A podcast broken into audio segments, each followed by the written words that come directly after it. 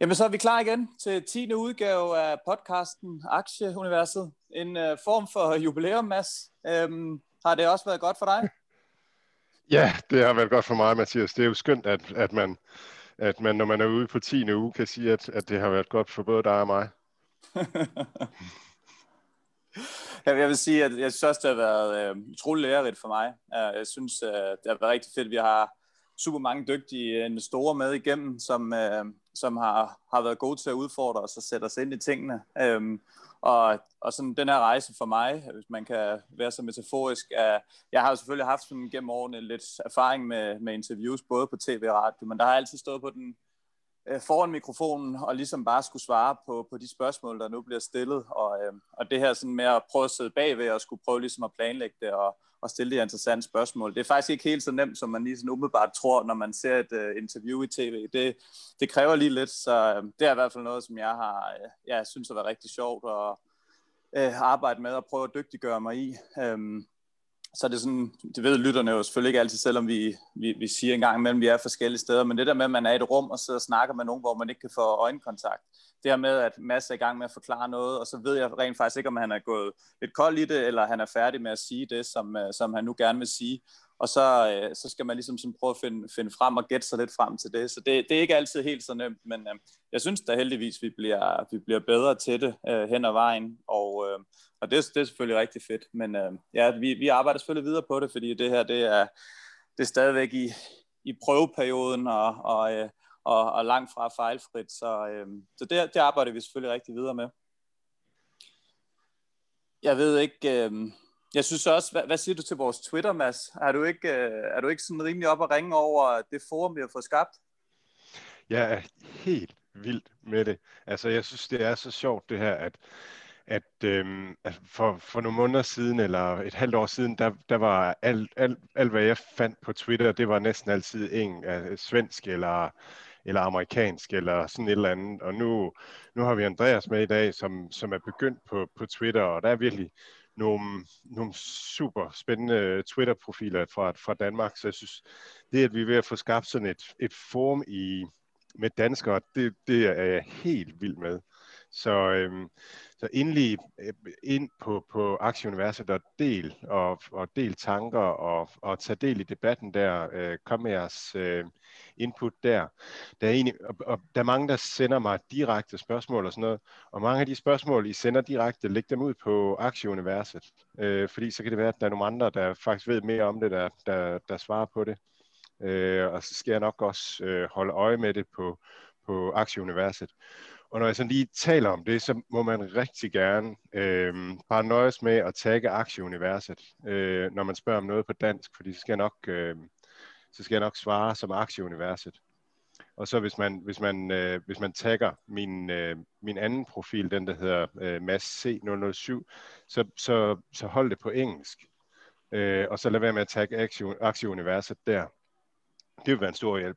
Men det, det er så fedt, at, at der sker noget, og, og, sådan, og det har jeg også snakket med Andreas om flere gange. Jeg tror, hver gang vi har talt sammen med Andreas, så, så har jeg snakket om det her. Det synes simpelthen, det er så sjovt og så, så dejligt, og at, at vi også kommer på, os danskere sammen, og får skabt et, et rum sammen. Det er, det er lækkert.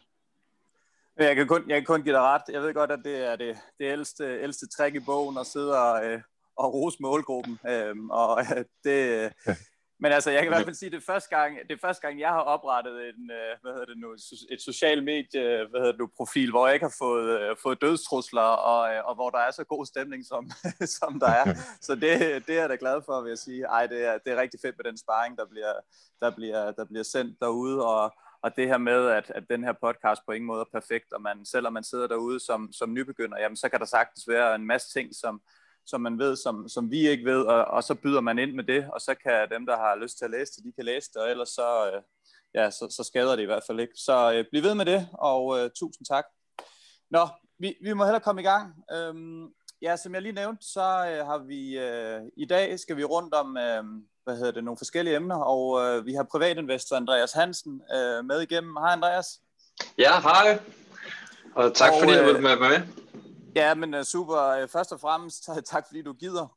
Um, Selvfølgelig. Du skal gøre, du du skal gøre os klogere på en, en virksomhed, som jeg tror, at, at alle øh, kender, øhm, og, og givetvis også har prøvet, nemlig Airbnb, som, øh, som kommer med deres øh, IPO her den 9. december. Øh, hvis du spørger mig, så er det en, en genial øh, virksomhed. Øh, det her med, at man, man caterer til så bredt ud, at folk ligesom i stedet for at bo på et sterilt hotel, ligesom kan få øh, komme ind og, komme under huden, eller hvad man kan sige, på den by, man, man nu engang er i, og, øh, og bo øh, som, som en af de lokale, det, det virker oplagt. Øh, men øh, om det er en god investering at komme med i den aktie, det skal du øh, forhåbentlig gøre sig klogere på. Øh, vi har også en anden øh, IPO på Roblox, som er en ja, ned den her øh, trend med, med gaming-platform, hvor man både kan, kan spille og lave sin egen spil. Øhm, lidt af Unity øh, går jeg ud fra, som må rette mig, hvis jeg er forkert, som, som vi også skal, skal snakke lidt, øh, lidt om. Men øh, inden vi kommer så langt, så lad, os, så, øh, så lad os lige lade den hænge lidt i vinden, og lige se på den øh, forgangne uge. Hvad, øh, hvad har du taget med, Mads? Jamen, for mig har den her uge her været, været en, en fed optur med Gravity og, og Sea Limited. Så, så det har faktisk fyldt øh, meget. Og så har jeg haft en, en, en uge, hvor jeg har været i... Øh, jeg havde et webinar i, øh, i var det tirsdags for, øh, for invested.dk. Og, og noget af det, jeg sådan er, er, er, er virkelig har rodet meget med, det er en fyr, der hedder Rory Sutherland. En, øh, han, er, han er vice... Øh, vicebestyrelsesformand for en, en engelsk stor øh, reklamevirksomhed. Og han, han er simpelthen så spændende, og det er bare, det har, det har virkelig rodet rundt.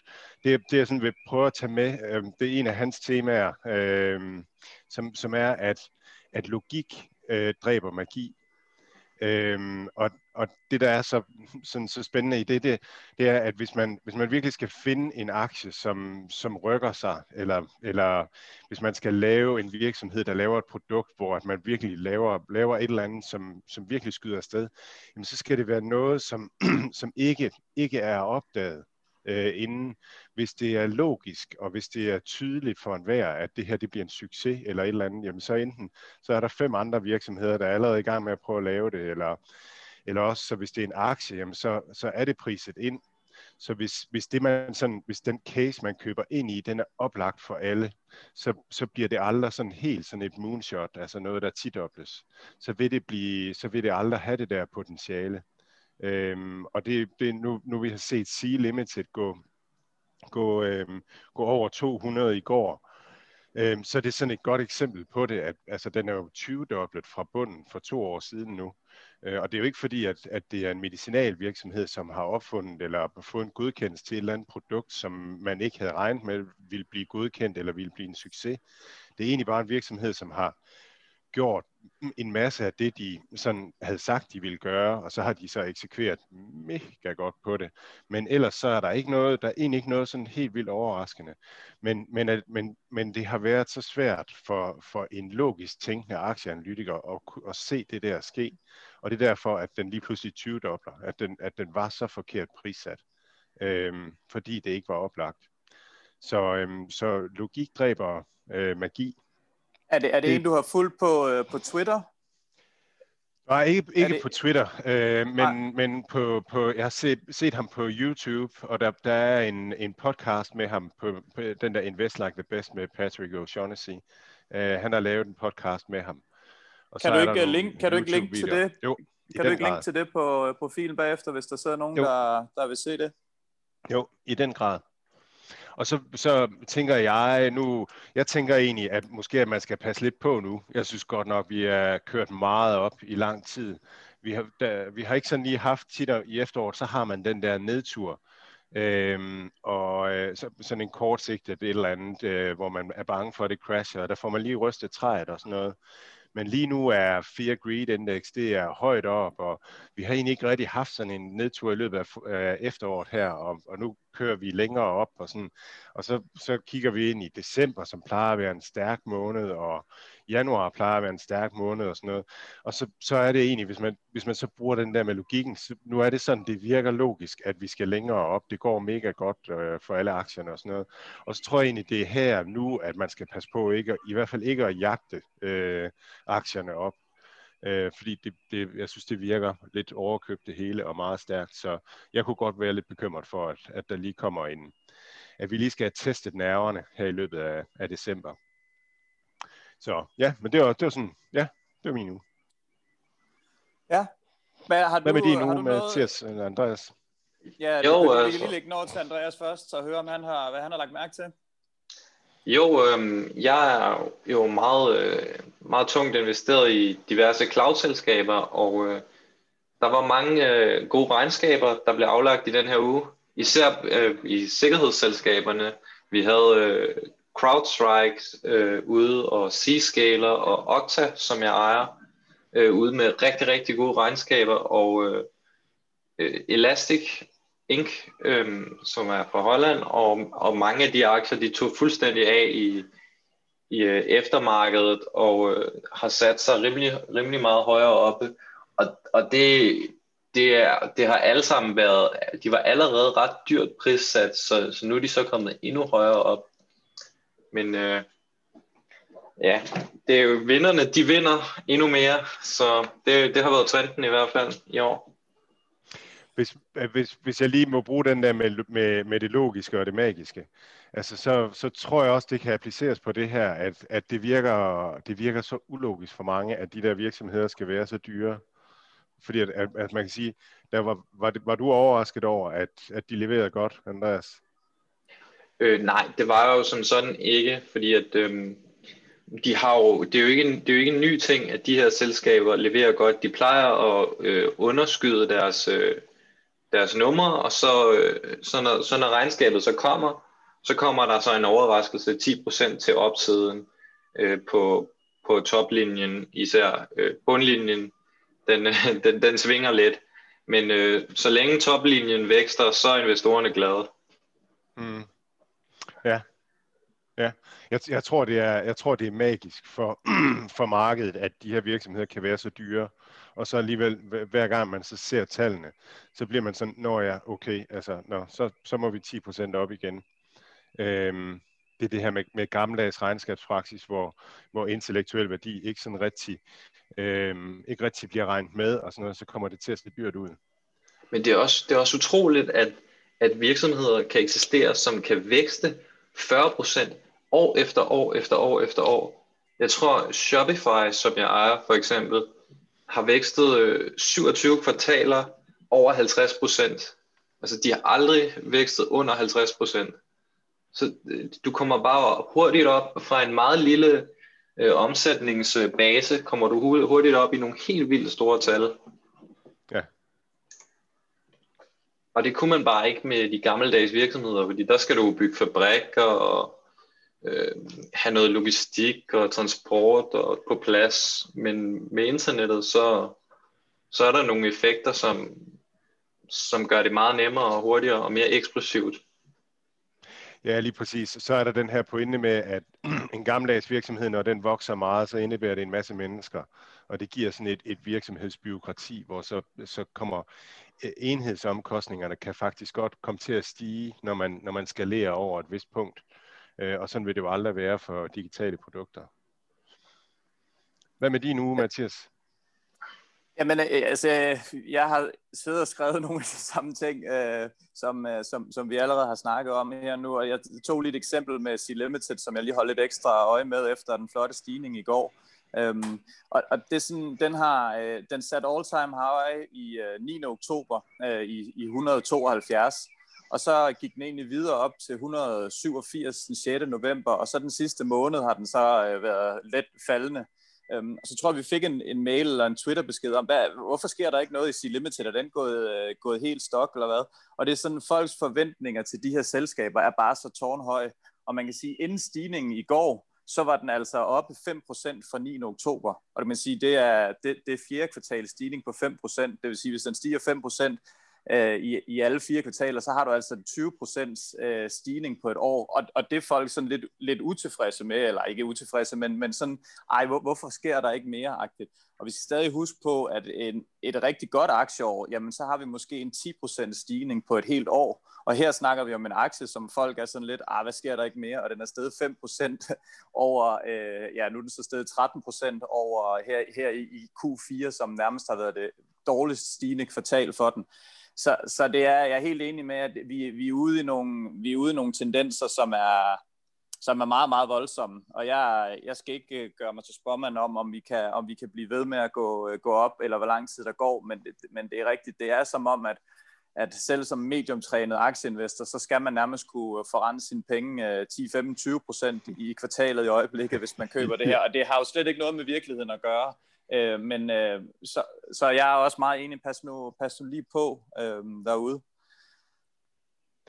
men også at, at øh, det har noget med virkeligheden at gøre på den måde, at digitale produkter, altså det er jo virksomheder, der vækster øh, 50 procent øh, eller mere, de virksomheder, vi taler om her.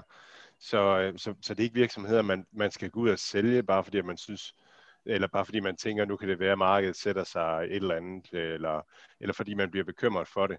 Så bare holde dem, øh, som Andreas siger, fordi at at, at de vokser, virksomhederne vokser, så man skal bare eje de her virksomheder, og så lade være med at kigge så meget på prisen.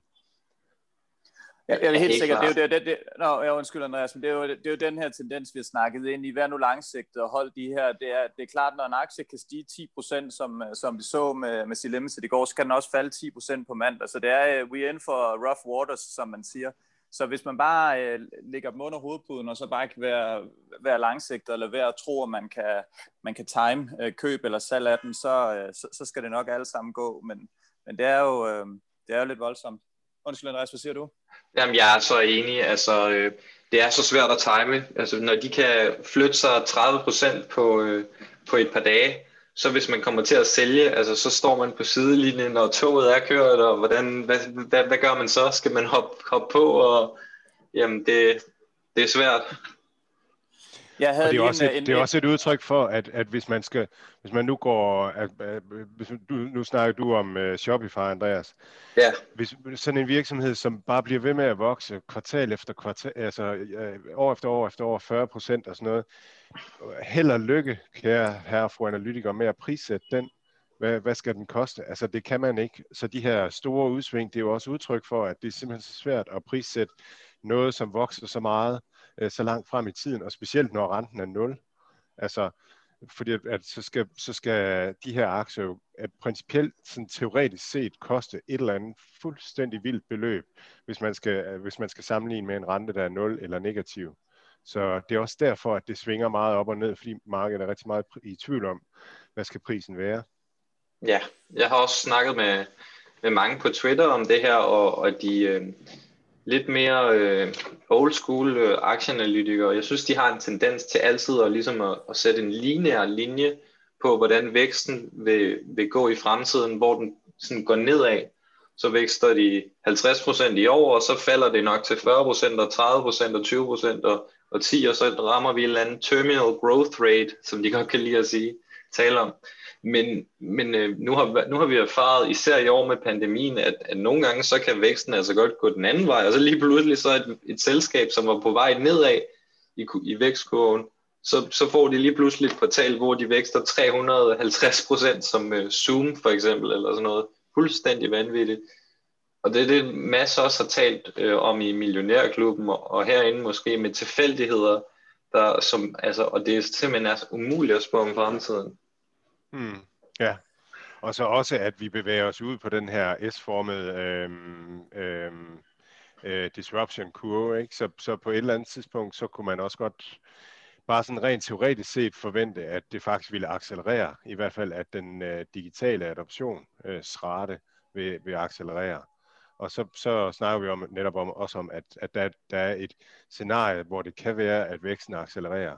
Og det scenarie er egentlig ikke særlig usandsynligt. Så ja. Jeg havde også lige, jeg blev lige mærke i en, en aktie, som jeg selv ejer Fastly. Øhm, den her øh, ja, cloud-baserede firma, som, som øh, servicerer og sikrer apps, den faldt jo som sten i oktober, da, da det kom frem, at den største kunde, ByteDance, ikke brugte så mange skillinger som forventet. Og der faldt den fra 128 til 63 på tre uger, og det er jo lidt det der, vi snakkede om. Jamen leverer den så ikke det her vækstprognose, som der er udset til, så, så, så skærer vi lige halvdelen af værdien af den. Øhm, den er så begyndt stille og roligt at køre op af, og, øh, og i går der lukkede den så i, øh, i 88 øh, på, øh, på rygter om opkøb fra, fra Cisco Systems. Øhm, det er sådan en aktie, jeg har købt for seks måneder siden, og det er faktisk kun baseret på anbefalinger, hvad jeg har læst mig til for folk, jeg følger på Twitter. Øhm, så jeg har ikke sådan rigtig nogen, øh, nogen holdning til den selv, eller forstand på den. Jeg vil faktisk sige, at hvis jeg skulle til eksamen i den, så, så tror jeg måske, at jeg vil få en karakter, der havde bestået, men absolut ikke mere, for jeg er ikke helt sikker på, at jeg, jeg altid forstår de her virksomheder 100 procent. Øhm, så det er sådan lidt et, lidt et gamble for, for, mi, for min side. Øhm, jeg tjekkede så lige op på de her selv samme personer, som jeg har, øh, som jeg har øh, hvad hedder det nu, taget, taget anbefalingen fra, og de er, de er stadigvæk bull på, øh, på casen, og øh, ja, jeg ligger på præcis efter 8% fremgang i går, så ligger jeg præcis på, på 0%, øh, så, øh, så den kan man prøve at holde øje med også, hvis man, øh, hvis man er til de her øh, ja, små raketter, som kan, kan sætte afsted. Øh, og øh, så vil jeg faktisk lige sige, nu havde jeg skrevet noget med, øh, i mit pitch her med Salesforce og, og alt det her øh, hvad hedder det, køb af Slack og de her ting, og det her, som, som, som Madsen snakkede lige kort om her, omkring øh, det her regnskabstekniske, og jeg, jeg sad faktisk lige og hørte øh, Mads i, øh, i Millionærklubben, jeg tror det var, er det i torsdags, Mads, du var derinde, ikke? Jo, det var det. Ja, og der, og der det, jeg synes, det var, altså, jeg, jeg synes virkelig, det var, det var spændende, og det var virkelig et, et, et gennemarbejdet pitch, du kom med, og øh, det kan jeg kun anbefale folk går ind og, og lytter til omkring, øh, omkring, øh, ja, primært omkring Salesforce og så den her Slack, men også det her regnskabstekniske, hvordan at, at det kan være, at man skal til at gøre tallene op på en anden måde. Så det synes jeg ikke, vi skal snakke mere om nu, fordi at, at vi har så mange andre ting, vi, øh, vi kan tage fat i. Men, men kæmpe anbefaling herfra, der, der sad jeg da godt nok øh, klinet med, med øretelefonerne på. Øhm, så gå ind og hør den Millionærklubben i torsdags med, øh, med yours truly, Mads Christiansen. Det var, det var rigtig stærkt. Tak, Mathias. Hvad hedder det? Jamen, øh, det var der det mindste. Hvad hedder nu? Skal vi ikke, skal vi ikke, komme, skal vi ikke komme i gang med, med noget af det her Airbnb? Den, øh, den glæder jeg mig til at høre noget mere om i hvert fald. Øhm, jo, som helt nævnt, sikkert. Så, som nævnt, så har den IPO på, hvad bliver det, onsdag den 9. Er det sådan, det er? Øhm, Præcis. Og øhm, kan du ikke fortælle lidt om, jeg tror ikke, du behøver at, at, at fortælle om, hvad de laver, det tror jeg, de fleste er med på, men kan du ikke fortælle lidt om deres business model? Jo, selvfølgelig. Øhm, Airbnb, de, øh, de tjener penge, når øh, hver gang der er nogen, der, øh, der leger en, øh, en overnatning eller en øh, experience, hvad det øh, på deres platform, det vil sige, øh, at det ligesom er, øh, det, det, er en, øh, det er en platform, hvor øh, folk kan lege overnatninger og, øh, og experiences. Og experiences, det, det er sådan, så kan du lære at bage, eller så kan du lære at... Øh, øh, ja, sådan nogle ting. Jeg, jeg, jeg er lige lidt blank på, hvad det er, men øh, lige nu.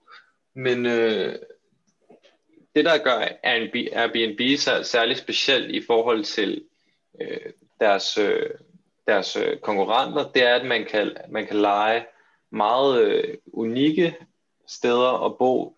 Men der er alt fra træhytter til øh, små huse i, i klipper eller øh, pæne herskabslejligheder i midten af byen øh, eller sommerhuse. Altså, du kan, der er næsten ikke noget, du ikke kan finde inde på Airbnb.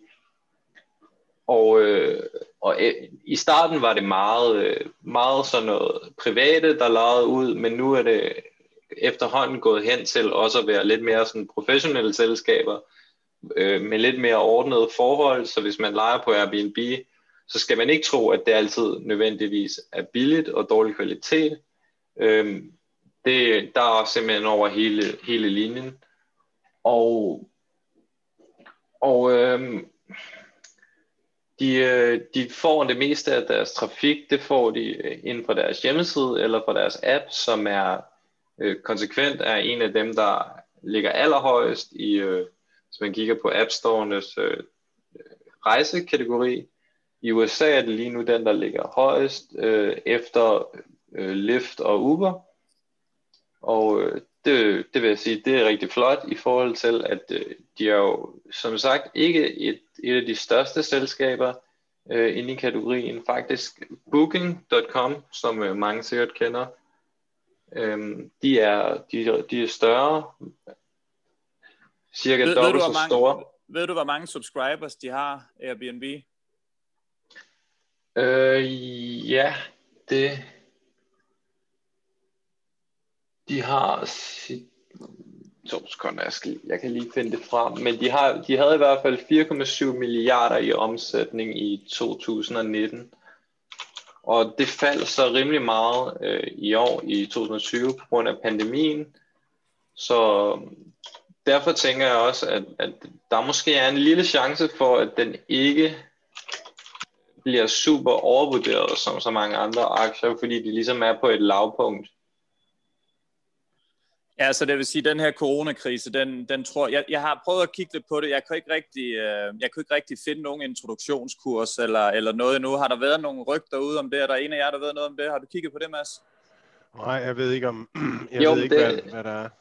Jo, jo, de skulle, de, de satser på en, øh, en valuering i den høje ende på 35 milliarder dollars, og og de plejer jo altid at ramme den høje ende. Jeg tror, det var måske 32 til 35 eller sådan noget.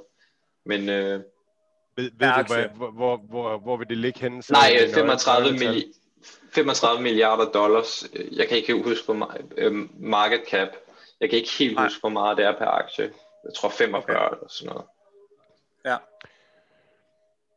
det, det, der, det der jo betyder noget, tænker jeg, det er jo, det er jo sådan den langsigtede runway. Altså, hvad, hvordan, hvis den kommer ud til en høj vurdering, og man skal investere i det, så skulle, så skulle det helst være fordi, at, at den kommer, altså vi er jo ikke tilfredse med 25% vækst her øh, i, i klubben. Altså vi skal jo have, hvis den skal op og vokse 40% eller sådan et eller andet, hvad tænker du, at det er sandsynligt, Andreas? Hvordan, hvordan ser man det? Øhm, Ja, altså Airbnb er jo ikke et særligt nyt selskab. De, har, jo, de, kom, de har jo været her i 12 år snart, øh, og øh, jeg tror ikke, det vil være en af dem, der vækster sådan helt vildt hurtigt. Selvfølgelig vil numrene se rimelig gode ud, når efter vaccinen, coronavaccinen bliver rullet ud, og så videre i 2021. Men øh, jeg tænker, at det måske er et, der vil vækste sådan cirka 30% eller 20-30% alt efter... Øh, hvordan, øh, hvordan det kommer til at gå. Men alligevel synes jeg, den er, den er interessant at have med. Altså, de, de vækstede øh, 29 procent øh, fra 2018 til 2019, så det må vi sige, det var, det var under lidt mere normaliseret forhold. Øh, og, øh, men jeg synes stadig, den er interessant, fordi jeg tænker, at der er en chance for, at den ikke bliver sådan super overvurderet som så mange andre. Og vi ser jo på, at selvom, selvom for eksempel Uber øh, ikke vækstet, vækster sådan helt vildt hurtigt, fordi det er jo også, de også er nået en skala, hvor det, det bliver lidt svært at, at, at lave de her kæmpe store numre, så har det jo stadig været en, en ganske udmærket investering. En, en, ja. af de ting, en, af de, en af de ting, som, øh, som har været en, altså, stukket en kæmpe kæp i jul for dem, det er jo de her, øh, hvad hedder nu, de her begrænsninger, som vi ser i de lidt større byer, både København og, øh, man kan sige, København er en større by på verdensplan, men, øh, men København og Barcelona, de her, som, som har nogle, øh, som bliver reguleret af, af staterne, og at man kun må lege det ud vis antal, x antal dage og sådan nogle ting, for netop ikke at gøre, at man kan investere i ejendom, man kan købe og så lege ud til en højere øh, daily price, end man kan lege det ud øh, long term. Øhm, hvordan har, har de nogen øh, har de nogen, øh, hvad har de af våben for at dæmme op mod, at det her det sker i, øh, i størstedelen af, af hovedstaderne verden over?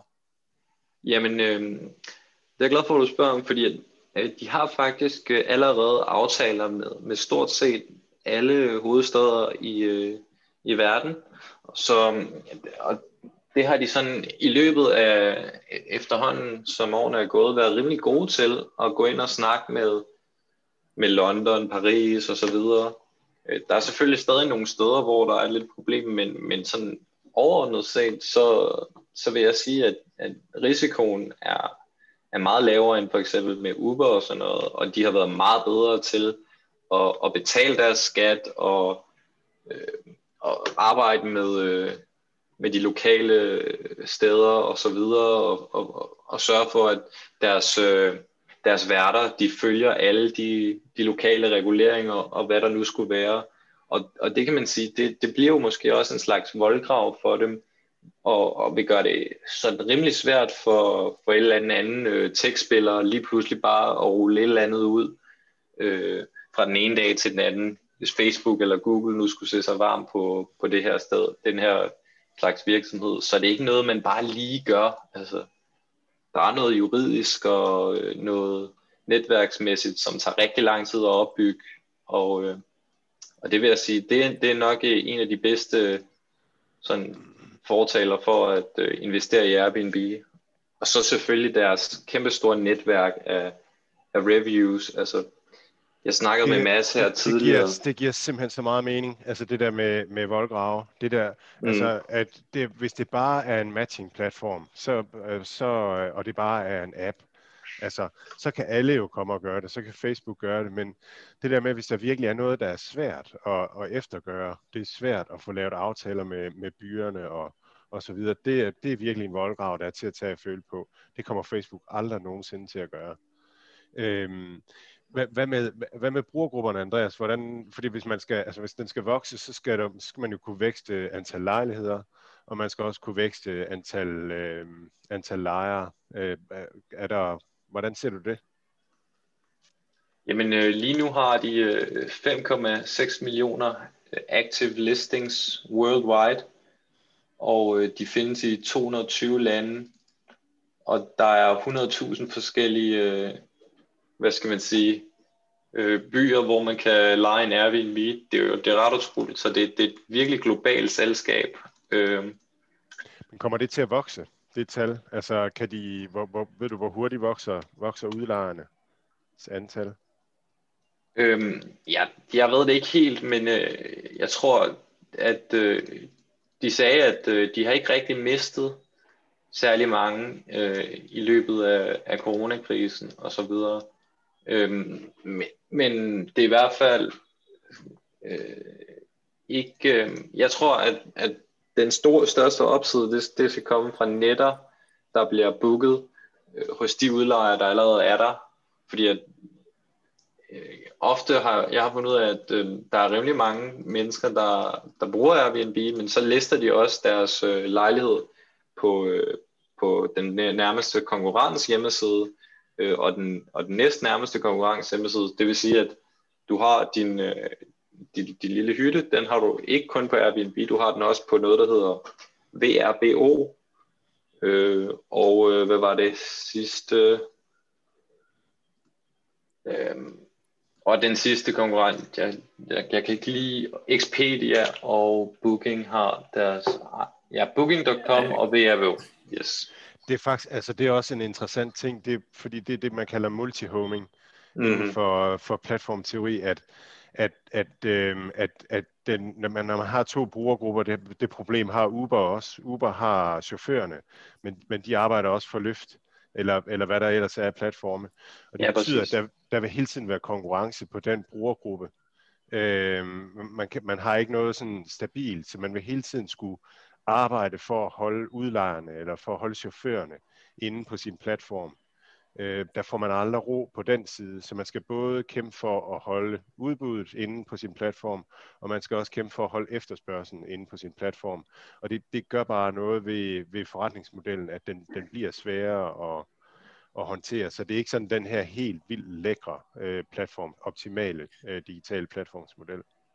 Ja, jeg har lige, Ja, undskyld, hvis jeg lige... At, øh, det, jeg, jeg havde faktisk, eller jeg har en lejlighed i Dubai, som jeg prøvede at lege ud på, øh, på gennem Airbnb, og der havde jeg så et bureau til at stå for det, og jeg ved i Dubai, og det er der nok også mange andre steder i verden, er der de her selskaber, som, øh, som står for alt, altså service og maintenance og alle de her, så de tager et cut af tingene også. Så det er jo sådan lidt mere, hvis, hvis Airbnb skal gøre noget for at, at få flere af dem ind, ved du, om de har nogle, øh, nogle tiltag, som gør det sådan mere, man kan sige, øh, indirekte til, til B2B-markedet, i stedet for så de cater til alle de her øh, service providers, øh, som, øh, som står for de her ting. Har de, øh, ved du noget om, om de prøver at lave nogle tiltag der? For det tænker jeg da umiddelbart, at, at det burde have en stor interesse for dem, ligesom at være de her, øh, de her servicevirksomheders foretrukne bookingsted. Ja, men altså, de har i hvert fald... Øh øh, rimelig meget øh, integration med, at, at, øh, at de, de forventer, at alle de, øh, de også øh, har, har, har øh, rensefaciliteter indblandet i Airbnb, så det bliver man, det bliver man tvunget til at finde en eller anden måde øh, at ordne det på. Om de selv faciliterer det, det kan jeg ikke lige se, om de rent faktisk gør, men de, de forventer i hvert fald, at, øh, at man har et eller andet på der. En anden, en anden måde at vækste på, det er jo at, det er jo at få, andre, øh, få andre brugergrupper på, øh, øh, eller at få andre produkter på. Øh, er, der, er der noget af det i Airbnb, du sagde, at man kunne lære at bage og, og sådan noget? Det, det kunne også være, være andre ting. Øh, ved du noget om det? At, sker der noget der? Ja, helt klart. De har jo lige lavet, øh, på grund af pand- som svar på pandemien, lavet, de, de prøvede at lave sådan noget online experiences, hvor man kan øh, deltage i, i Zoom-klasser, og øh, hvad hedder det, der er en med Kardashian og øh, sådan nogle øh, kendte basketballstjerner, hvor man ligesom kan deltage i sådan nogle online arrangementer, og det giver folk øh, åbenbart 600 kroner gladeligt for et, øh, et 60 minutters øh, sådan rimelig personligt øh, ophold, hvor der højst kan være 10 mennesker i. Så, og øh, ja, men øh, det, de andre experiences, de er jo, gået, de er jo nok gået mere eller mindre fuldstændig i stå på grund af pandemien. Så de, de, de var hurtigt ude og prøve at, ligesom at finde en eller anden måde, og ligesom at, at få, det, få det blevet 220 sikkert. Ja. Hvordan ved, ved vi noget om nøgletallene, hvor vi er henne? Ved vi noget om, hvad price sales bliver til, når vi kommer ud? Er der nogen? Ja, øh, altså i, i, hvad hedder det, i 2019, der vækstede de jo, hvad skal man sige, øh, eller der havde de 4,7 milliarder i omsætning, og hvis vi baserer det på øh, 2019 omsætning, så vil de ligge på cirka 7,4 price sales. Nu er den omsætning så faldet. Øh, jeg tror måske, jeg tror det var cirka 80% alt efter hvilket kvartal man kigger på. Så, så hvis man, man, man siger på, baserer det på, øh, på 2020, så ser den jo rigtig, rigtig dyr ud. Ja. Men, øh, så, jeg så tror, det er ligesom... man skal gå efter 19-tallene for og så, ja, det... og så også regne med en vækst i det alligevel. Ja, det handler jo meget om, om hvordan man selv tror, at verden vil udvikle sig efter øh, pandemien. Forhåbentlig nu engang øh, kommer i bagspejlet. Indtil videre så de her øh, tech IPOs i år, det har været øh, senest med, med Unity, som jeg lige kan komme i tanke om i hvert fald, så har det jo været en, en no-brainer. Det er jo bare at, øh, at købe som en sindssyg på, øh, på første dagen, og så, øh, så har man næsten dobblet sin penge i løbet af en måned. Tror du, det bliver casen igen? Det tror jeg faktisk ikke. Det, det håber jeg ikke rigtigt for den her, fordi så, så, så vil jeg helt klart ikke være med. Fordi jeg ser nogle risiko, og jeg ser ikke deres... Øh, deres voldgrav for at være, som at være nær, nær den samme som Unity. Altså det her, det er mere en platformsvirksomhed, øhm, som, som ikke står sådan super, super stærkt alene, men alligevel har rigtig, rigtig mange brugere, øh, og, en, og, og en, den, den lækreste platform, vil jeg sige. Men jeg tror, der er mange, der vil sige, at, at, at de er ikke helt sikre på, hvordan fremtiden ser ud for dem, og de tog også det her rigtig store hit i 2020, så ja, det er svært at sige. Det, det var, Ja, ja, nej, men det var også mere det her med den her hype, som de her IT, øh, eller som de her tech-selskaber har, har været igennem, når de bliver noteret. Det her med, at man er jo, hvis man ikke tror på, at det er det long run, man kører på dag 1, og man så får, øh, lad os sige, 25 eller 30 procent øh, stigning i, i, i løbet af, af meget kort tid, jamen så kan man jo godt tage pengene og løbe, selvom at, at man simpelthen går ind og tager et, et vedmål på, at, at det samme sker igen.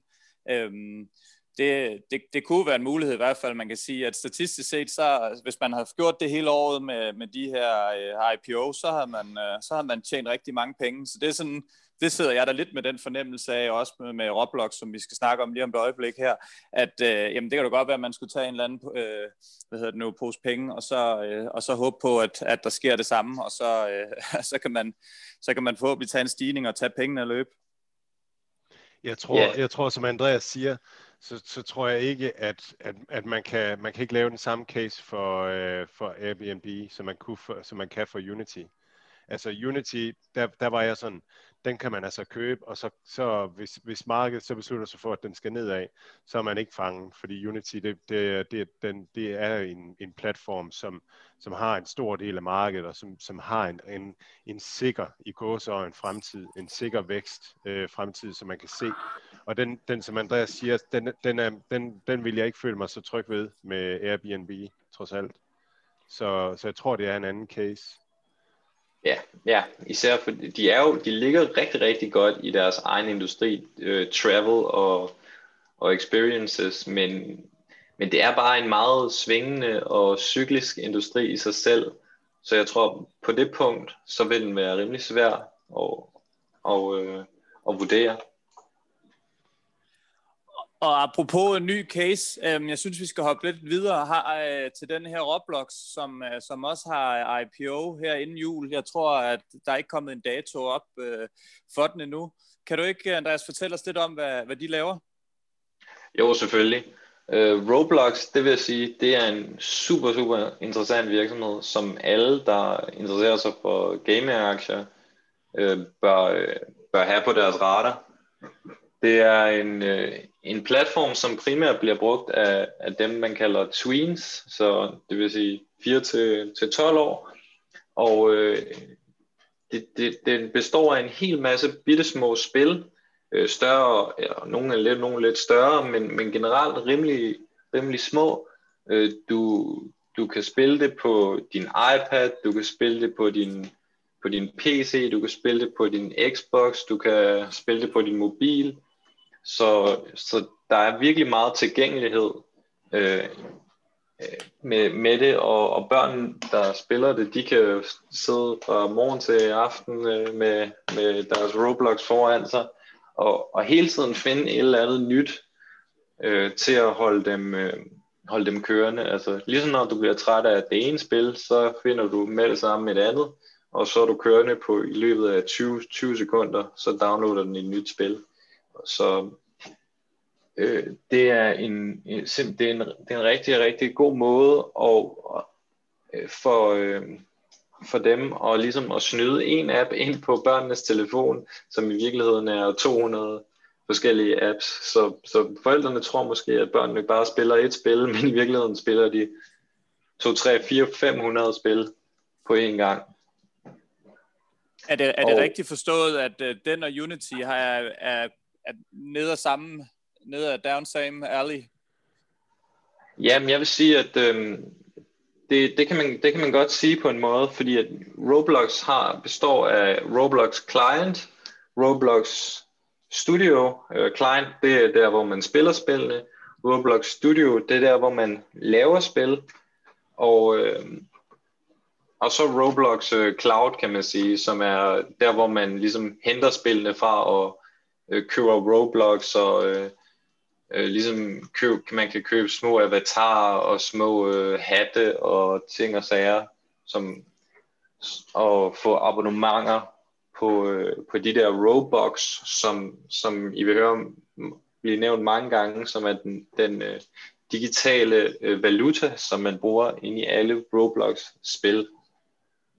Så men øh, for lige at komme videre, 75% af alle amerikanske børn fra 9 til 12, de spiller øh, Roblox øh, med deres venner, ifølge virksomheden, og, og, men, men på trods af, at, at deres, øh, de har så små, øh, eller så unge spillere, så har de alligevel fået 1,2 milliarder dollars af øh, bookings i de første øh, 9 måneder af 2020. Og de tjener primært penge, som jeg sagde før, med, øh, med, med hvor når folk køber virtuel valuta, øh, som hedder Robux, og det kan du så købe øh, en, en gang for alle, eller du kan købe det via abonnementer, og øh, så derfor, og det, det er så det, der går ind, og de tæller som bookings, øh, det vil sige, at når det ligger i, i brugernes øh, øh account, så ligger det som bookings, men når det så bliver brugt, så bliver det så øh, sat som øh, regel omsætning. Så det vil sige brugt på at købe hatte eller opgraderinger til enkelte spil og så videre og så videre. Og øh, jeg har prøvet lidt øh, nogle enkelte spil for lige at teste om hvad det er og sådan noget. Øh, og, og øh, der er altså virkelig øh, virkelig mange steder, som man kan bruge sin Roblox eller Robux for at komme foran de andre og få, få, få en, en gut, der ser lidt sejere ud og så videre og så videre. Så de kan altså rigtig hurtigt ryge, hvis man ikke passer på. Og, øh, og det, det synes jeg også, man har hørt meget om, at øh, der er nogle øh, børn, øh, der har fået lov til at bruge mors kreditkort, og øh, så ryger der lige pludselig 4.000 dollars på Roblox, og, og børnene ved ikke, hvor de bliver af, og så videre, og så, og så, så, på, så det, kan, det kan altså virkelig, det er virkelig en god businessmodel, vil jeg sige.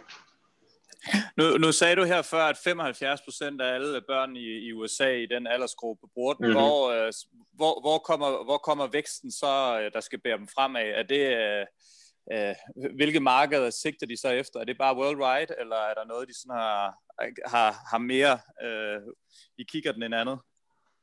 Jamen, øh, de prøver jo og, øh, og ligesom, og de, vil, de, de vil jo gerne holde på, på børnene også, når de bliver lidt ældre.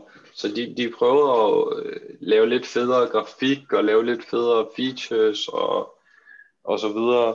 Og prøve ligesom, lige så stille, tænker jeg, at de godt vil bevæge sig ind på Unity og, øh, og Epic eller Unreals øh, territorie, og ligesom at holde på folk lidt længere tid, og, og, og snoppe opad, så at sige.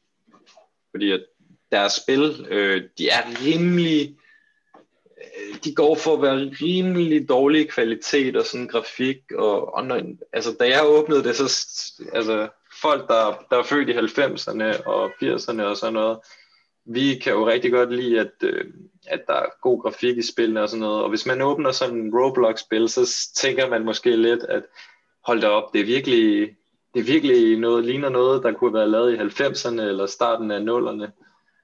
Øhm, men øh, det prøver de så ligesom at, at, ligesom at fjerne det image lidt, men øh, det, det er ikke noget, man lige gør, bare for, for at sige det mildt.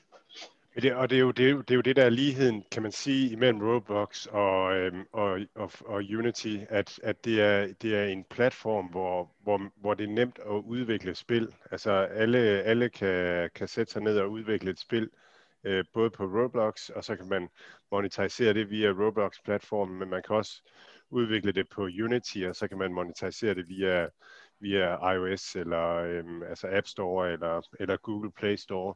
Men er det, altså, er, det, er det grafikken, når den bliver holdt i det der simple noget der, er det så fordi, at det er nemmere at lave spillene, når grafikken er simpel, eller, eller hvorfor, hvorfor gør de det med at holde det på den måde?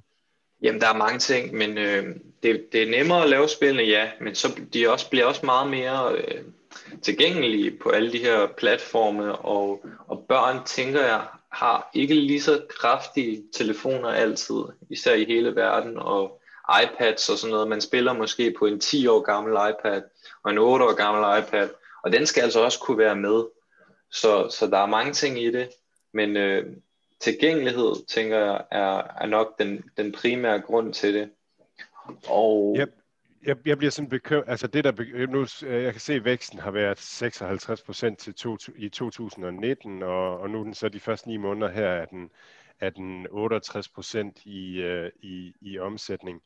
Og så, mm. som Mathias er inde på, det der med, at hvis man har 75 procent af alle amerikanske øh, øh, børn på, altså så er man sådan lidt, hvor skal væksten så, så komme fra? Skal det så være, fordi man, man sælger mere ind til de her børn, eller fordi at man at man, at man ender med også at have børnene på, når, når de bliver ældre. Og det, det tror jeg er noget af det, som mange amerikanere ser Roblox blive det her, altså vokse ind i at blive det her sted på nettet. Eller skal det være ved, at man ekspanderer til udlandet? Hvad, hvor, hvor ser du væksten komme? Øhm, jamen jeg tror, det, det er lidt af begge dele, fordi at øh, det er faktisk Øh, det er ikke sådan en slags sådan spilnetværk som sådan. Det, det, det skal næsten mere ses som et socialt netværk, fordi rigtig mange af de spil, der ligger på Roblox, det er ikke sådan et spil i sig selv. Det er, der, mange af dem har ikke rigtig nogen sådan øh, objektiv de slutter ikke. Det, man går bare rundt, og så kan man snakke lidt og, og vise sit udstyr frem og øh, hygge sig med sine venner digitalt. Og så på den måde, så det er også derfor, at deres, øh, deres timer, som folk er på Roblox-platformen, de er enormt høje. Øh, de har 22 milliarder øh, timer, øh, som folk har brugt på deres øh, platform i de i første ni måneder. Og det er, altså, det er altså vildt højt i forhold til, at de kun har 31 millioner daily active users. Tror du, man kommer til at se e-commerce på, øh, altså e-handel på Roblox-platformen inden for de næste par år? Er det den vej, man vil? Det, det ved jeg ikke. Det, det tvivler jeg lidt på. Ikke, jeg kan ikke se det, som, som platformen er bygget op lige nu. Og jeg tror, at, Roblox, de, de prøver virkelig, og øh, de vil rigtig gerne ikke ses som en, en spilvirksomhed. Øh, de vil meget hellere ses som en eller anden cloud-virksomhed, især nu, hvor de har set, at Unity har fået så meget succes øh, og blevet vurderet til, til så høj en pris. Så øh, hvis, de, hvis de bliver vurderet som en cloud-virksomhed, så, så kan de få en price sales på måske 40 til 50 stykker, mm. men hvis de bliver set som en spilvirksomhed, så, så bliver det måske kun 15 til 20. Så der er altså et, et kæmpe stort spænd i forhold til, hvordan man selv vurderer, hvad Roblox egentlig er. Hvad vil du vurdere, Roblox er så? Jamen, jeg synes, jeg vil sige, det ligger et sted i midten. Øhm, en ting, som virkelig taler imod, at de er øh, fremtidens spilplatform og en konkurrent med Unity, det er, at, at de tager rigtig, rigtig, rigtig mange penge fra øh, udviklerne af spillet. Hvis du, øh, du laver et Roblox-spil, og din bruger, han bruger 1 dollar, så får du altså kun, sidder du kun tilbage med cirka 15 cent eller 24 cent tilbage, så det vil sige 15 til 24 procent, mens med Unity, der, der får du lov til at beholde ja, helt op til 99% af pengene, eller måske mere. Det kom, altså, de har en helt anden model, og som er meget mere attraktiv for spiludviklere, vil jeg sige. Og det er jo den her historie om, at, at, at både Unreal og, og Unity, de, de ser den, den helt store øh, den helt store gevinst i, at, at de bliver standarden for, for det, man kalder metaverse at, at ude i fremtiden. Altså standarden for, for, for, for, on, on, uh, altså for, for 3D-animation i, i, i en eller anden form for kommunikation, eller virtuelle møder, virtuelle uh, alting. Så det, det, det er mega god pointe, du kommer med, Andreas, at, at, at, at deres monetarisering siger måske, at, at de nok mere er en spilvirksomhed, der ikke ser sig selv vokse deres, deres, deres platform så meget, som, som uh, Unreal og Unity uh, gør. Kan man sige det sådan? Det kan man godt sige. Men så vil jeg sige, at der er så også noget, noget rimelig, øh, de har også nogle rimelig gode drivers alligevel, som gør, at, at folk, på trods af, at, at de får så dårlige forhold, alligevel godt vil udgive deres platform på Roblox Altså, det, er, det er den bedste måde at, at nå en, øh, en, den yngre målgruppe, og øh, de, Roblox har en meget færdigbygget platform. De klarer rigtig, rigtig mange ting øh, for dig ud af boksen, så det er ligesom en samlet pakkeløsning. Du får med det samme får du øh, chancen for at nå ud til rigtig, rigtig, rigtig mange brugere. Øh, du får øh, cloud øh, hosting, Øh, så, så det ligesom spillet automatisk bliver tilgængeligt via Roblox øh, app til, til, til alle Roblox brugere. Du får øh, multiplayer, får du bygget ind, som øh, er noget, der generelt er rimelig svært at få bygget. Øh, selv, når, i hvert fald, hvis, især hvis man er en ny øh, spiludvikler. Og, øh, og hvad hedder det, du får også øh, det der med betalingssystemet, det får du automatisk indbygget, øh, og det er super nemt at implementere med Roblox. Så, så det er rigtig, rigtig attraktivt stadigvæk for, for nye spiludviklere, der måske bare laver et, øh, et spil som en hobby. Og, og man kan også se, at, at mange af dem, der laver Roblox-spil, de er kun 15-18 år. Så Andreas, hvis vi skal være lidt mere konkrete på den her IPO, nu snakker vi lidt før om med, med den her uh, trend omkring købe de her tech-selskaber og sådan noget. Er det mm-hmm. så mhm. en, du, uh, du kommer til at bide, bide bold? Ser vi dig stå med, med, med dankortet fremme på, uh, på onsdag og prøve at se, om vi kan rive, rive den her aktie ned for hylden? Øh, jamen, det, det, det, vil, det, det, kunne meget, det kunne meget vel være, men altså, ja, jeg frygter lidt, at der er så meget hype rundt omkring det her selskab, at, at når den første øh, handel rammer børsen, så bliver det til helt, helt andre priser, end, øh, end hvad øh, IPO'en er sat til. Jeg tænker, at jeg kunne, jeg kunne sagtens se Roblox stige af 100% på den første dag, eller måske endnu mere. Som min, uh, som min gode ven uh, Simon Mollihus plejer at sige, køb dyrt, selv dyrere. Er du, uh, køber den, er du køber den her, Mads? Nej, jeg, jeg, synes, jeg synes, altså nu, når, jeg synes, er super spændende, det Andreas har, har, har lagt ind her og sådan noget, og, og det, jeg synes, det virker som om, at, at uh, Roblox er en mere moden virksomhed, som, øh, som kommer ud, hvor at, at Unity, det, det, folk, det der gør, at Unity bliver ved med at stige, det er, det er den her helt umodende virksomhed, der virkelig har en lang runway og kan blive sindssygt meget større. Og det har jeg lidt, lige en anelse sværere ved at se Roblox blive. Så, så jeg tror, man skal passe på med at tænke, at, at Roblox bliver den nye, øh, den nye uh, Unity. Og så har jeg bare sådan en eller anden fornemmelse af, jeg har bare oplevet det her, at at, at øh, nogle af de sådan store på Twitter, blandt andet ham, der hedder Matthew Ball, han har, han har virkelig prøvet at piske en stemning op omkring øh, Roblox igennem et år eller to og sådan noget. Jeg kan godt blive en lille smule sådan... Øh, godt blive en lille smule sådan øh, mistænksom over, om, altså om, om man virkelig har, har været i gang med at hype den her øh, IPO igennem et par år øh, og sådan noget. Så ja, så jeg er ikke så, jeg er ikke så vild i varmen øh, nu fik, med den her. Nu fik, nu fik jeg vist lige sagt noget vrøvl. Det er Airbnb på onsdag. Roblox er der ikke nogen øh, IPO ikke nogen dato på endnu. Men de, de, de, de, de, regner med inden jul, så det var lige for at korrigere mig selv nu. Øh. Hvad hedder det nu? Øhm, jeg synes, vi skal springe lidt videre, fordi vi har lige lidt andre ting, og, øh, og vi... Ja, jeg vil lige, jeg vil lige tage en, en lille hurtig ja. opsummering. Jeg tror, ja. at, øh, at Roblox, fordi at de har fået sådan et kæmpe, kæmpe boost af pandemien, at den vil vel øh, komme ind på børsen ekstremt overvurderet, øh, mens at Airbnb, måske er der en chance for, at den kan se det modsatte. Så på det, i det lys tror jeg, at man skal se de her to IPOs. Enig. Det bliver spændende at se i hvert fald. Hvad hedder det, øhm, Mads? Øhm, skal vi komme lidt videre? Jeg tror, du har noget, øhm, vi snakker noget om noget good food, som, øh, som ikke har været øh, super flyvende siden, øh, ja, jeg tror, at den er nede omkring 20 procent siden øh, 9. november, på trods af en, en stor forøgelse på 33 procent i, øh, i subscribers. Kan du, kan du gøre os klogere? Jamen, det, er, det gælder jo det hele. Altså, øh, der, der er mange, der spørger til Good Food.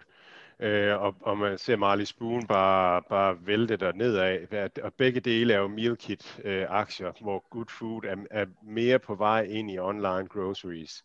Vi har også set øh, Ocado øh, få tæsk, altså den, den engelske online øh, groceries sådan, Øh, øh, øh, leverandører, altså de leverer øh, teknologien til det, leverer robotteknologien og de her fulfillment centers.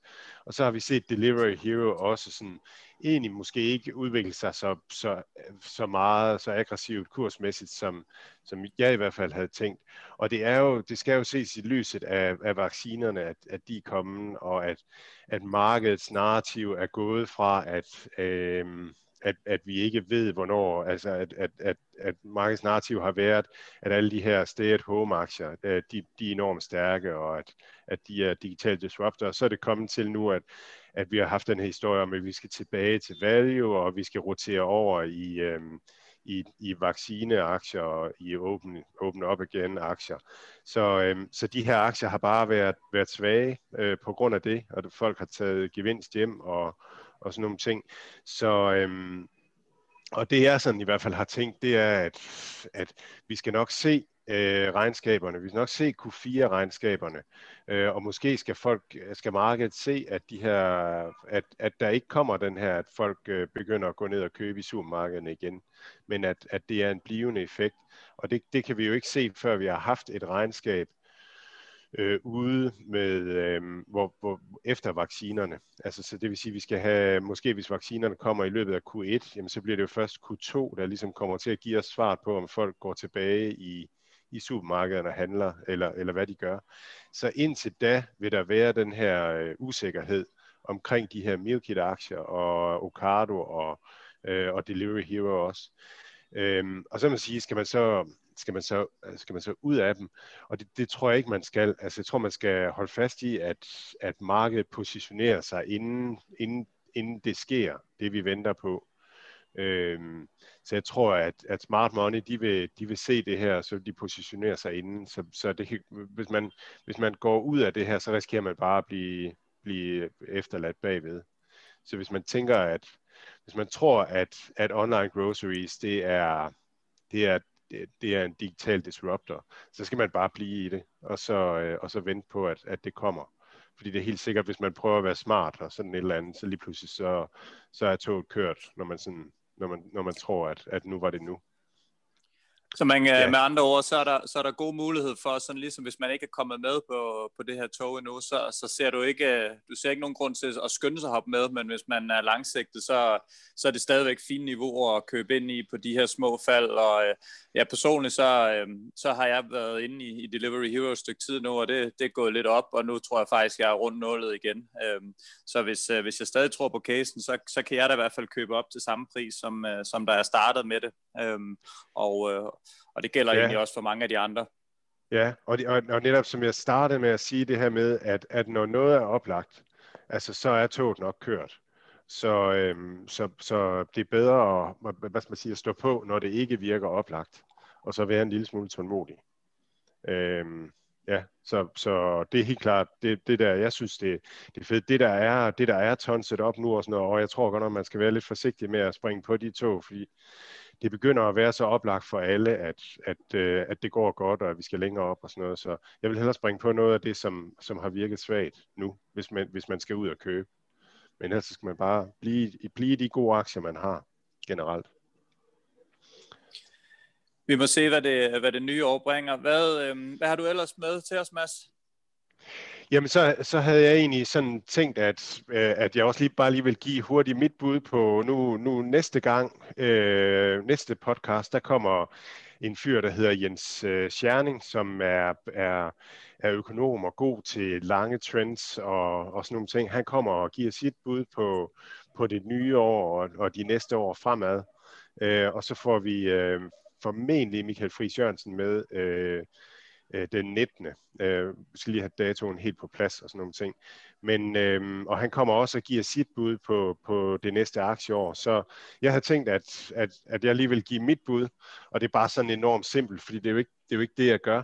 Men jeg tror, at vi skal, altså jeg tror, at jeg tror, at, jeg tror at ikke, at vi kommer til at rotere ind i value-aktier øh, på den måde. Jeg tror, at, at at, at markedet vil fortsætte med at blive overrasket over, at de her aktier som, som disruptor, at, at de vil levere rigtig gode regnskaber.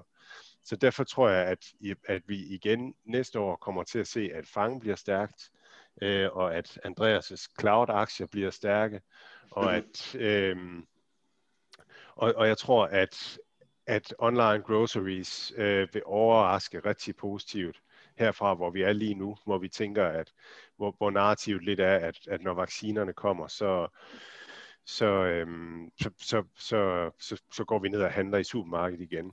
Så jeg tror, det er gode, øh, det er gode, jeg tror stadigvæk, man skal være i de her digitale disruptors. Og så i øvrigt, så tror jeg, det, det har Puro sagt senere inde på Twitter flaget længe, og det tror jeg, han har ret i. Jeg tror, vi er i, i sådan et sekulært bullmarked. Øhm, så jeg tror, at, at de næste år, øh, bliver rigtig, rigtig stærke øh, frem til et eller andet 2030 øh, formentlig. Det, det er der sådan den, den lange cykeltid øh, peger på, at, at der kan, vi kan ramme øh, noget, der, der kunne ligne en boble igen.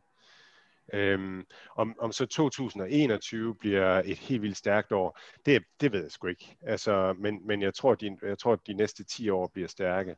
Og det er jo den her anden øh, digitale øh, øh, revolution, der skal, der skal gøre det. Ikke? Den, øh, eller industrielle revolution. Den første industrielle revolution, det var dengang vi fik dampmaskinen, og, og vi ikke blev begrænset af vores fysiske formåen. Og det, der sker lige nu, det er, at vi har en, en industriel revolution, hvor vi ikke længere som mennesker er begrænset af vores hjernes regnekraft og hukommelseskraft.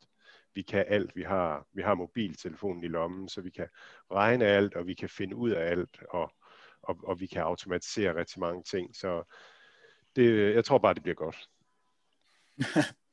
det er godt, Mads, du er positiv. Det kan, det kan ja. vi godt lide at høre. Det vil godt Andreas, jeg er lidt nysgerrig på, hvad, hvad, hvad er din, øh, hvor, hvor ser du, øh, hvad, har du et bud på 2021 og, og sådan noget? Puha, jeg synes, det er så svært at, at spå, hvor markedet skal være øh, over en, en hvilken som helst tidsperiode, og jeg har tænkt, ja, min, min strategi, den har længe været øh, bare at, at holde fast i de selskaber, som jeg virkelig tror på, og så hvis markedet falder, så falder markedet, og så, så tager mine selskaber et, måske et kæmpe stort nyk nedad, men jeg, jeg, jeg er bare langt, langt investeret, fordi jeg tror på, på fremtiden. Jeg er optimist, så ja, det er egentlig, jeg, jeg, tror, jeg tror måske 2021, det, det kan umuligt blive så godt som i år, men jeg tror, det bliver pænt, pænt alligevel. Ja, du har virksomheder, der vokser 40, 40 agtigt så, så selvom markedet skal sætte sig et eller andet, lad os sige, markedet sætter sig 20% næste år, så, så, så er odds jo alt andet lige, at dine selskaber ender, og det er i hvert fald sådan, jeg tænker om, om mine selskaber, der også vokser, de der 40 plus procent. Jamen i hvert fald, øh, hvis, hvis øh, selskabet så falder på grund af markedet, så bliver øh, valueringen jo også billigere, øh, i, og især hvis væksten også har været der, så kan man sige, så, så er der lagt op til et rally, når markedet kommer sig igen. Andreas, gider du lægge din, øh, kan vi få dig til at lægge dine aktier op inde på, på Twitter, så kan vi lige øh, retweet dem, så, så folk kan se, hvad du har under kølerhjelmen? Jo, men selvfølgelig, selvfølgelig. Det vil være, det vil være super, det vil være super spændende at se. Jeg, har, jeg, jeg så, at øh, der kommer nogle øh, lytterspørgsmål ind, øh, og, og endnu en gang tak for det. Og jeg fik et, eller vi fik et omkring den her øh, ja, køb-salgsplatform Fiverr, og det er bare F-I-V-E-R, og så to R til sidst, øh, som, øh, som er steget 1000 procent i år. Øh, og øh, der fik vi øh, spørgsmålet om, om man skulle blive ved med den. Og det var faktisk meget sjovt, for jeg var i, øh, der var i, i Dubai, var ude spise med min bankmand, og han snakkede varmt om den her aktie, og det var en, han havde investeret i. Øhm, jeg har ikke nogen personlig nogen øh, holdning til den, men altså, ja, hvis man investerer i den her gigatrend, som vi snakker om omkring de her online platform, så tror jeg, at det er et fint bud. Øh, kan den stige 1000% på et år, kan den vel også stige 300-400% øh, øh, mere uden problemer. Men øh, altså, ja, det er jo det her, det kan også, øh, det kan også, øh, der kan også komme et knald, som, er, som vil gøre nytårsaften til skamme. Så man skal nok ikke øh, spille mere, end man har råd til at tabe. Er, er, det, en, er det en aktie, du øh, har stiftet bekendtskab med, Andreas? Ja, det kan jeg godt lige hurtigt øh, byde ind på. Øh, jeg synes, at Fiverr ser rigtig, rigtig interessant ud, og de er virkelig kommet langt med, øh, med øh, deres øh, platform, som øh, udbyder services til freelancers. Du kan lege folk til at øh, udføre øh, små forskellige ting, og der er alt fra professionelle øh, semiprofessionelle til amatører, og øh, der er simpelthen ikke det, som du ikke kan få nogen til at, at gøre øh, inde på Fiverr. Altså hvis du skal have nogen til at skrive en artikel, hvis du skal have nogen til at øh, lave et, et spil for dig, altså der er simpelthen alt. Og, og jeg tror, at de er, de er klart de, de stærkeste inden for det segment. Så hvis man tror, at øh, der er food i øh, freelance-økonomien, så, så synes jeg bare, at man skal lægge langt der. Har du den selv? Det, jeg har den ikke selv, men øh, jeg synes, det er en ganske udmærket øh, aktie. Og, og tillykke til dem, der har været med. ja, de har haft det sjovt. Ja. Øhm, jeg ved ikke, Mads, har du, øh, har du mere på, på programmet? Nej, nej, det har jeg ikke. Nej, jeg synes, det har været super spændende at høre om, øh, om, om Roblox og, og Airbnb her. Så det bliver spændende at følge.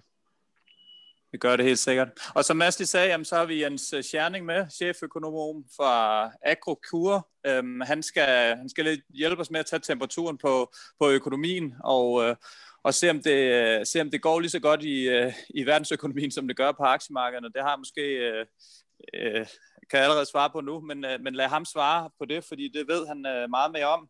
Og øh, som altid, så er spørgsmål og kommentarer yderst velkomne, enten på vores øh, mail, aktieuniverset.gmail.com, eller inde på vores øh, Twitter-univers, Aktieuniverset.